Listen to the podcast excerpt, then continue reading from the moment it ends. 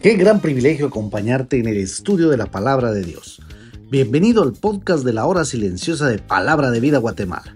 Descubriremos junto a ti los desafíos que Dios nos dará hoy a través de su palabra. Deseamos que hayas tomado un tiempo para leer con anticipación el pasaje del día de hoy.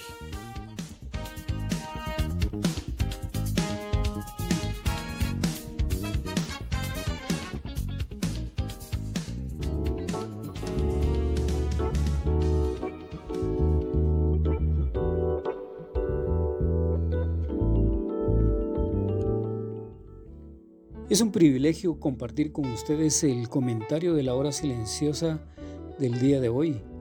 Hoy estamos en Eclesiastés capítulo 5 en sus primeros 15 versos. Del versículo 1 al 7 dice, Cuando fueres a la casa de Dios, guarda tu pie y acércate más para oír que para ofrecer el sacrificio de los necios, porque no saben que hacen mal no te des prisa con tu boca ni tu corazón se apresure a proferir palabra delante de Dios, porque Dios está en el cielo y tú sobre la tierra. Por tanto, sean pocas tus palabras, porque de la mucha ocupación viene el sueño y de la multitud de las palabras la voz del necio. Cuando a Dios haces promesas no tardes en cumplirla, porque Él no se complace en los insensatos. Cumple lo que prometes Mejor es que no prometas y no que prometas y no cumplas. No dejes que tu boca te haga pecar, ni digas delante del Señor que fue ignorancia. ¿Por qué harás que Dios se enoje a causa de tu voz y que destruya la obra de tus manos? Donde abundan los sueños, también abundan las vanidades y las muchas palabras, mas tú teme a Dios. El propósito de Salomón aquí es llevarnos a la casa de Dios para mostrarnos nuestro deber después de apartarnos del mundo al mostrarnos su vanidad. Que nuestros desengaños con las personas nos ayuden a levantar la mirada hacia el Creador. Nos encarga comportarnos debidamente en la casa de Dios. En primer lugar, debemos vigilar nuestros pasos, es decir, nuestra conducta, acercándonos en una actitud de obediencia previo al sacrificio. Samuel dijo en 1 Samuel 15:22, el obedecer vale más que el sacrificio. Sacrificio sin obediencia es de necios. En segundo lugar, no debemos de apresurarnos a hablar a Dios con muchas palabras. Cuando dice el verso 2, Dios está en el cielo, no significa que Dios esté lejos, sino que su infinita majestad y grandeza exigen humildad del creyente con reverencia interior y prudencia con sus palabras. El verso 3 eh, lo confirma con un ejemplo. Así como las preocupaciones arruinan el descanso de la noche, así también las muchas palabras oscurecen el sentido de la expresión. Nos encarga entonces a tener mucha preocupación al prometer solemnemente con voto a Dios. El versículo 4 es una referencia a Deuteronomio 23-21. El voto es una atadura. Solo con su fiel cumplimiento se suelta uno de él. El llamado es entonces a cumplir lo prometido, porque de lo contrario, ofendemos gravemente a Dios, porque Él no se complace con los insensatos y también nos hacemos daño a nosotros mismos al recibir el castigo por no cumplir. No sirven las excusas, ni digas delante del sacerdote, como vemos ahí en el versículo 6, fue una equivocación. A Dios no se le puede engañar con excusas. Mejor es que no prometas, dice el verso 5. Como conclusión de estos pasajes, el predicador exhorta a temer a Dios. Haz del respeto a Dios la norma de tu conducta. A partir del versículo 8 al versículo 15 leemos entonces, si opresión de pobres y perversión de derecho y de justicia vieres en la provincia, no te maravilles de ello, porque sobre el alto vigila otro más alto, y uno más alto está sobre ellos. Además el provecho de la tierra es para todos.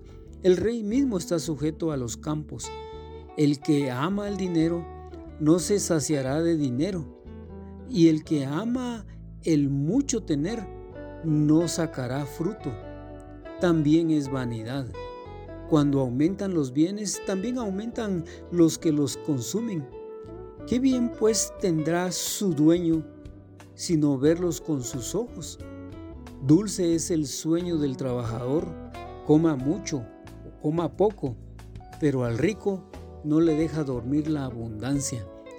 Hay un mal doloroso que he visto debajo del sol, las riquezas guardadas por sus dueños para su mal, las cuales se pierden en malas ocupaciones, y a los hijos que engendraron nada les queda en la mano.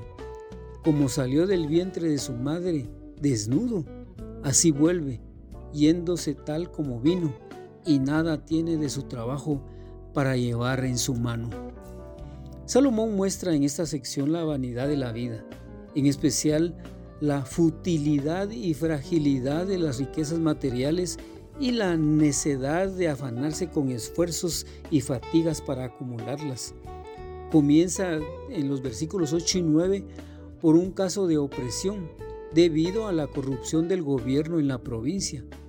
Aún en el caso de que el gobierno de una nación sea bueno, puede haber un gobernador o un alcalde que sean opresores de los pobres y de la justicia. No hay por qué asombrarse, pues no es un caso raro, pues sobre ellos hay otro más alto, el Altísimo, aunque el verdadero sentido aquí es que sobre el alcalde está el gobernador y sobre el gobernador está el rey.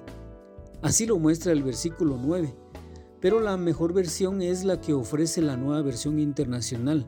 El provecho sacado de la tierra es tomado por todos los funcionarios subalternos para extorsionar.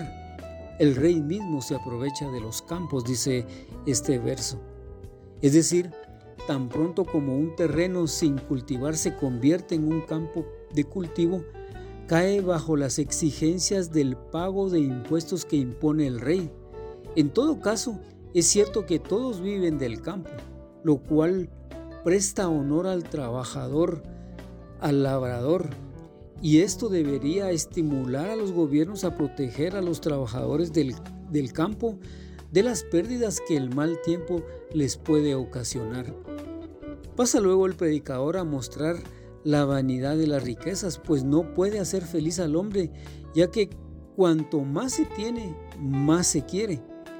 Hay deseos corruptos que nunca se sacian. Cuanto más aumentan los bienes, dice el verso 11, más aumentan los que los consumen, porque la mejora de condición social exige mejores servicios y también más criados. El rico, en todo caso, tiene la desventaja del miedo al robo, de impuestos fiscales altos, de secuestros, etc.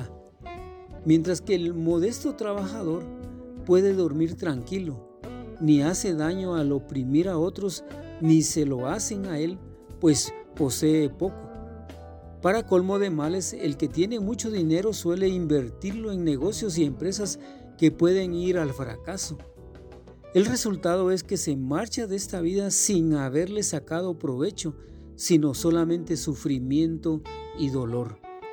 Es cierto que desnudos nacimos y sin nada nos iremos al sepulcro, dijo Job en el capítulo 1. Pero un hombre prudente puede sacar la satisfacción de haber hecho el bien en esta vida. Pero el avaro, codicioso y opresor, no se lleva nada de lo que acumuló, dice el Salmo 49. Por eso, vívelo ¿Has prometido al Señor y no cumpliste? Los frutos del trabajo pueden perderse a manos de Dios por una promesa hecha a la ligera. ¿Qué haces con tu posición de autoridad? Los frutos del trabajo pueden perderse por la extorsión de autoridades corruptas. ¿Haces bien con lo que el Señor te ha dado? El fruto del trabajo no se puede disfrutar por causa de la codicia. Mi nombre es Carlos Bojo y esperamos como siempre que la palabra de Dios cumpla sus propósitos en tu vida. Bendiciones.